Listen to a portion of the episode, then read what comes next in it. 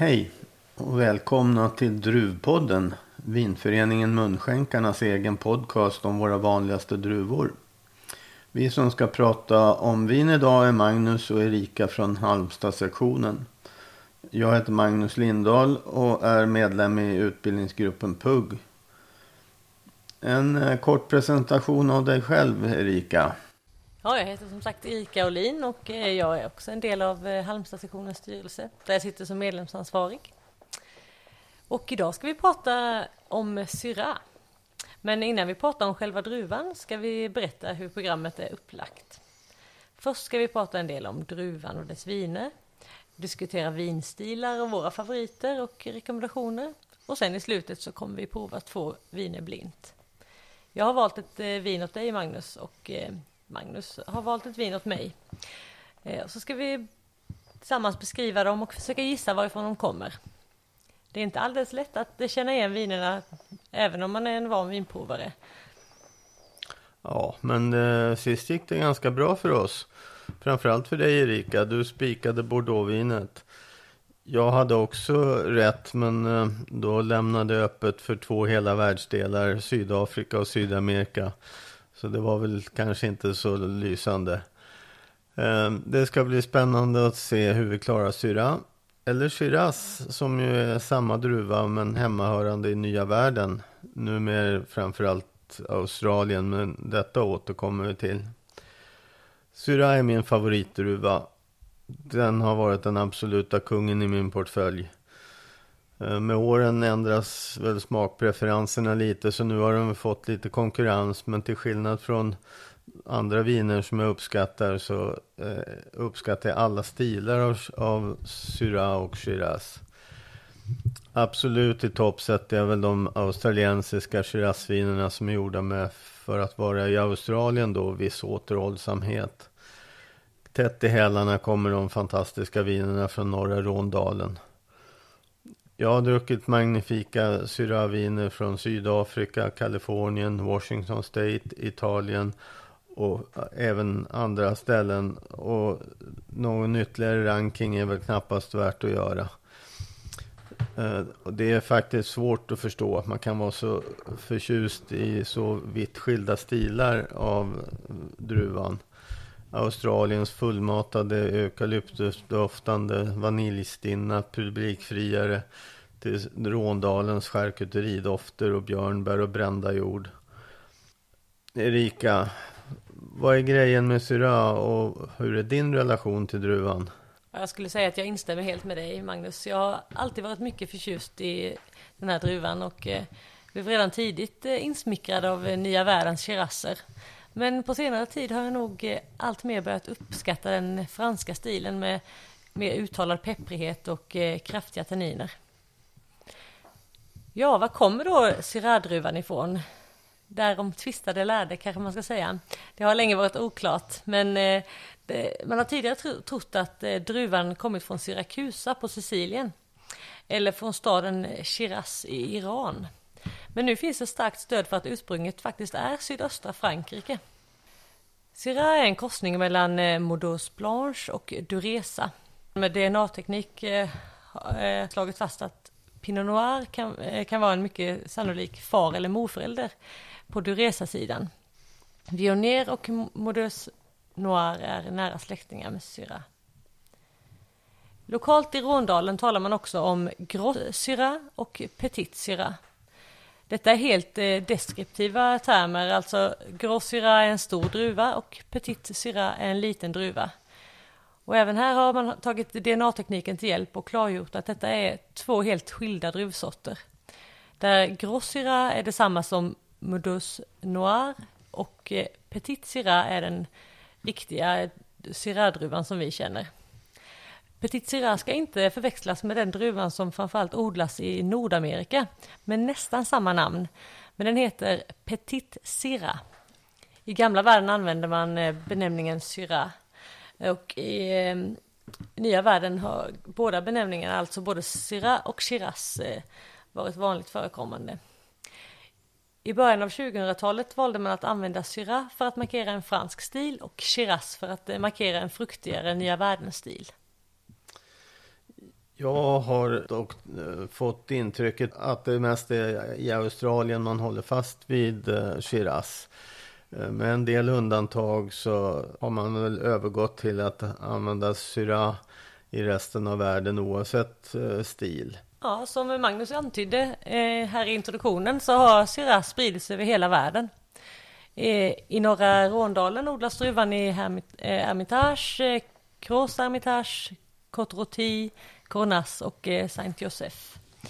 Den odlas ju också i södra Rån men eh, här används den inte så ofta som rendruvevin utan är mer vanligt förekommande i blandningar med Grenache och Mourvèdre.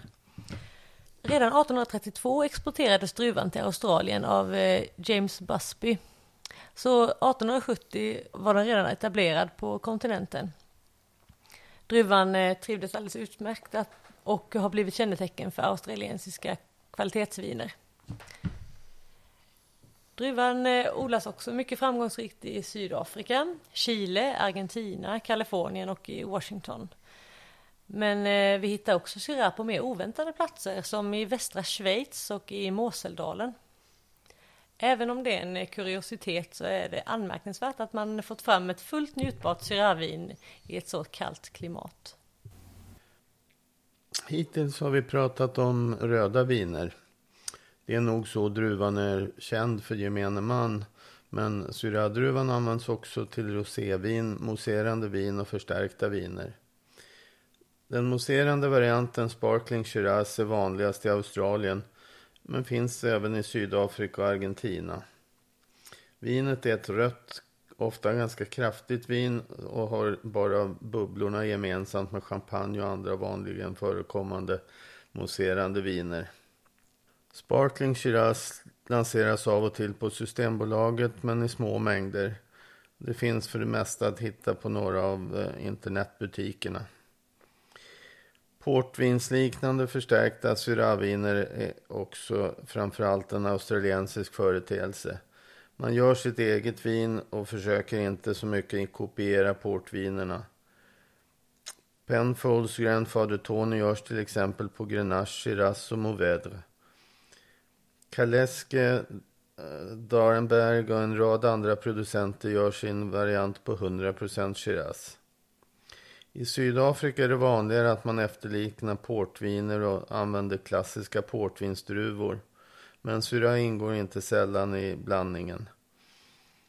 I ett eh, samarbetsprojekt gör till exempel portvinsproducenten Niport tillsammans med legendariska The Sadie Family ett förstärkt vin på Syrah, Tinta Barocca, chinso och Pinotage.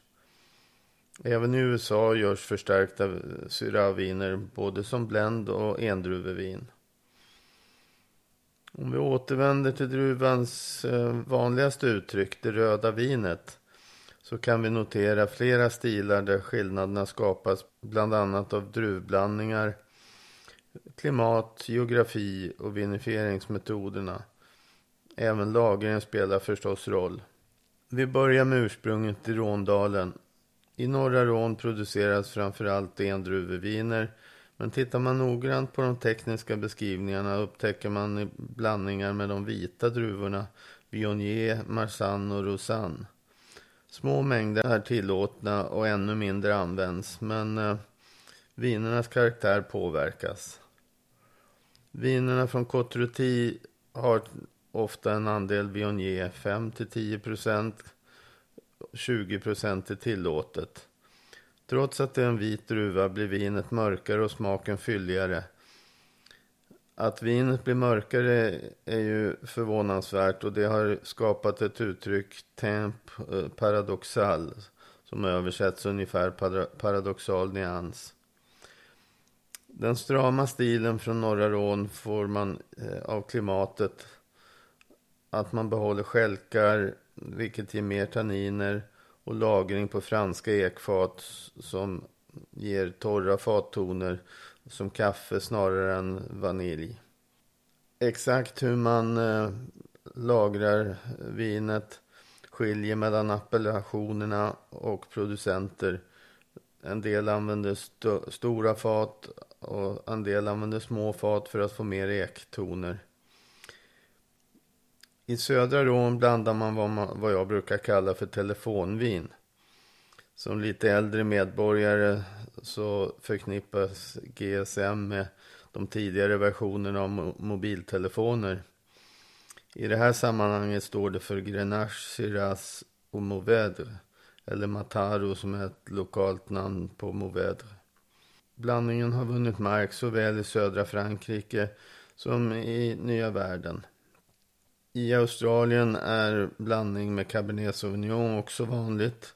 Och det förekommer olika proportioner, allt ifrån enstaka procent Cabernet till viner dominerade av Cabernet Sauvignon.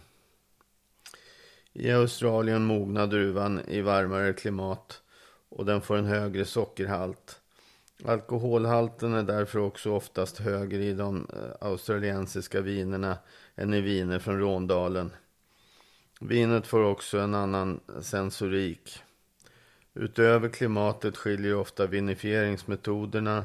Den klassiska australiensiska stilen får man fram med avskälkning, eh, vilket ger mindre tanniner, längre maceration och lagring i små nya amerikanska ekfat, vilket ger en tydlig vaniljton och en mjuk känsla i munnen. Det pågår en ständig förändring av vinstilarna i världen. Historiskt var det producenter i nya världen som lärde av gamla världens eh, vinmakare. Idag sker influenserna åt båda håll. Franska producenter tenderar att tillåta mera frukt i eh, de unga vinerna. Samarbetsprojekt förekommer också. Chapoutier från Rhône till exempel eh, producerar vin i Australien med framgång. De så kallade Rån Rangers från Kalifornien utvecklar kunskapen om druvorna från Rån, däribland också Syrah förstås. Syrah och Shirazviner är tätt blålila som unga.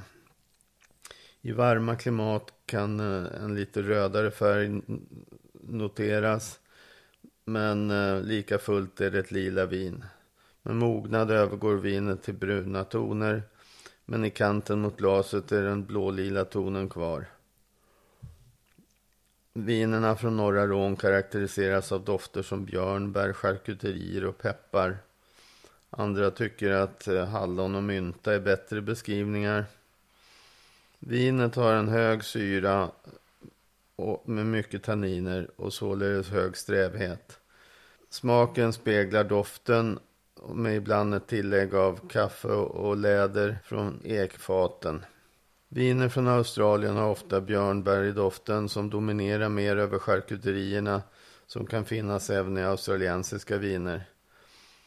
Tonerna skiljer sig dock och inslag av körsbär är inte ovanligt och helhetsintrycket är ett tydligt fruktigare vin än vinerna från norra Rån. Eukalyptus är vanligt att man kan notera. Vinet har en medelhög syra och mjukare tanniner än rånvinerna. En medelhög strävhet. Smaken är oftast fruktig och speglar dofterna. Kalifornien hamnar någonstans mitt emellan norra Rån och Australien. Vinerna har högre alkohol och en fruktighet och bärighet som liknar de australiensiska vinerna. Men har också eh, ofta charkuteritoner som liknar vinerna från norra Rån. De brukar sakna eukalyptustoner. Syraviner från Sydafrika har ofta en tydligt syltig eh, frukt och en rökighet som gör att charkuteritonerna blir nästan baconlika.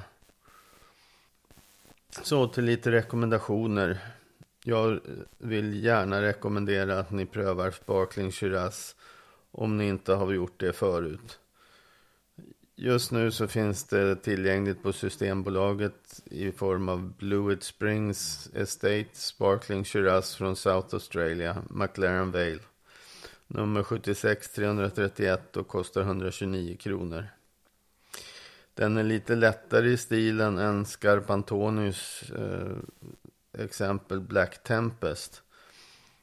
Den finns dessutom inte att få tag i, i, på Systembolaget just nu. Men man kan hitta den i Köpenhamn. Jag tycker också att de förstärkta vinerna är värda lite uppmärksamhet. Jag rekommenderar Kaleskis eh, Shiraz JMK. En halv flaska för 139 danska kronor. Och det kan man, den kan man få tag i från eh, atomwine.dk. Sen om vi går över till de traditionella rödvinerna så skulle jag vilja rekommendera Montes Alfa från Colchuga Valley i Valle Central i Chile. Finns för det mesta på Systembolaget och har kostat 125-135 kronor. I den något högre prisklassen så tycker jag att Boom Boom från eh, Washington eh, med eh, systembolagsnummer 6714 och 159 kronor. Det är ett mycket prisvärt exempel och eh, typiskt i stilen från Washington. Och så ett vin som är ännu snäppet dyrare då. Penfolds Kalimna Bin 28 för 249 kronor. Systembolagsnummer 16320 ett mycket bra vin. Ja, Ja, mycket bra rekommendationer. Både på de här lite mer spännande eh, sparkling men också de som finns mer till, tillgängliga. Eh, jag skulle vilja rekommendera en, eh, ett vin som har funnits med mig länge och eh, håller än idag så att säga. Ett rödvin som ligger på 125 kronor, alltså under, under 150. Och det är ett sy eh, sydafrikanskt Alles förloren eh, Shiraz från Coastal Region som har eh, system, Systembolagets nummer 29002. Eh, och eh, i den lite högre prisklassen så kan jag inte låta bli att eh, ändå rekommendera ett, ett klassiskt Cross Hermitage från Rån alltså. Gigal 78 977 för 199 kronor. så då ska jag försöka beskriva det vinet som du har hällt upp åt mig. Och i bästa fall komma i närheten av eh, ursprunget. Eh, när man tittar på vinet så är det typiskt blålila för, för druvan. Det är för att vara en syra något genomläsligt. Alltså ett rätt så tätt vin men eh, Syra är oftast ännu tätare och det kan dels ha att göra med druvkoncentrationen eller klimatet, vilket som eh, bidrar mest. När jag doftar på vinet så har det en tydlig pepprighet och en eh, tydlig björnbärsdoft. Jag hittar inte lika mycket charkuterier som eh, man kan göra ibland. Inte heller eh, så påtaglig stallighet eller eh, inslag av läder. Däremot eh, kanske lite lakrits. När jag smakar på vinet förstärks mitt intryck av att det är bärigt. Men det är, hör till mina favoriter Eh, som jag har beskrivit tidigare då att en, en viss återhållsamhet men ändå mycket frukt. Jag skulle ju tro att det här är nya världen men inte Australien. Kanske eh, Sydafrika. Ja, det är eh, fint resonemang. Jag, eh, nu har jag själv ett annat eh, vin i glaset och eh, det var ett tag sedan jag provade detta vinet. Men absolut eh, den här eh, fruktigheten och eh, lite mer nya världen-toner. Ska jag plocka fram flaskan? Gör så. Detta är mycket riktigt ett eh, nya världen-vin och eh, det är faktiskt så att eh, det kommer från eh, Barossa Valley i Australien. Skulle ha gissat det eftersom det föll mig så väl i smaken. Men jag, jag, saknade, jag saknade lite eukalyptus och de här avslöjande dragen. Ja, ehm, jag tycker väl att beskrivningen ändå stämde rätt så väl. Absolut, det håller jag med om. Ja, du har ju hällt upp ett vin till mig här också.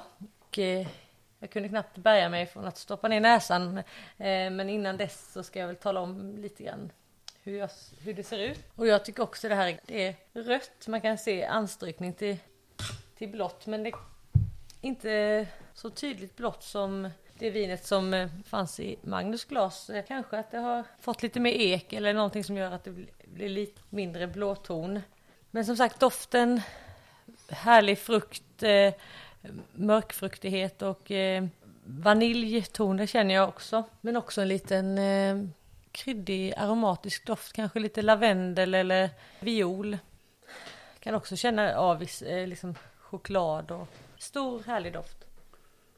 I smaken fylls munnen också av eh, de här mörka bären och antydd pepprighet och det lämnar kvar en liten syra. Efter en tid i glaset så anstrykning till eh, det här med charkuterier. Men inte den här tydliga pepprigheten som jag brukar känna igen från Frankrike utan kanske mer drar det mig åt eh, nya världen. Och som vi pratade om innan lite eh, ett mellanting mellan den här väldigt syltiga och insmickrande stilen från Australien och den återhållsammare stilen från Frankrike så kanske vi hamnar någonstans i USA. Har du druckit det nyligen och kan beskriva det på något annat sätt? Ja, det var inte så länge sedan jag drack det här vinet. Um, inte idag dock. Tycker att det är ett um, ganska områdestypiskt uh, ändå.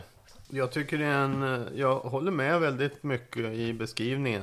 Jag tycker att det finns väldigt tydlig frukt som eh, jag förstår leder dig åt det håll som du, som du beskriver. Men eh, det är faktiskt eh, ursprunget. Mm -hmm. Så trevligt. så, ja, så att det är en eh, Hermitage, Chapoutiers Le Maisonnier. Det är en 2017 så den är ung och har fortfarande mycket frukt.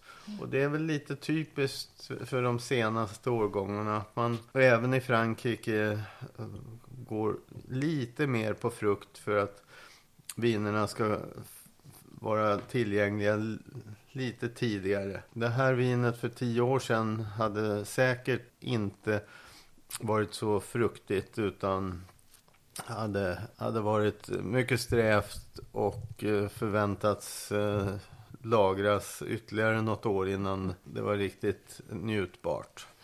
Ja, nu med facit i hand så är det ju liksom, jag blir väldigt glad över att det är en eh, fransman som ändå har liksom gjort en, lite, att det närmar sig lite mer det här, eh, lite mer lättillgängliga även i yngre åldrar. Men också, jag tror mig beskrev eh, med syran att den finns, att den, det är inte riktigt på samma sätt som de här väldigt lättillgängliga nya värdenvinerna som är mjuka och utan det lämnar kvar en liten syra som kanske skulle kunna ha skvallrat för mig.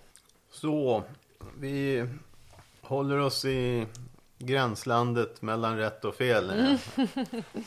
Ja, det, det, är återigen så att det är hur mycket kunskap den finns så är det liksom det, det känns som att det, det blir svårare för, hela tiden ju mer eh, olika odlare och producenter i olika länder experimenterar och eh, vill efterlikna stilar så är det, gör, gör det svårare för oss vinprovare och eh, pinpointa det.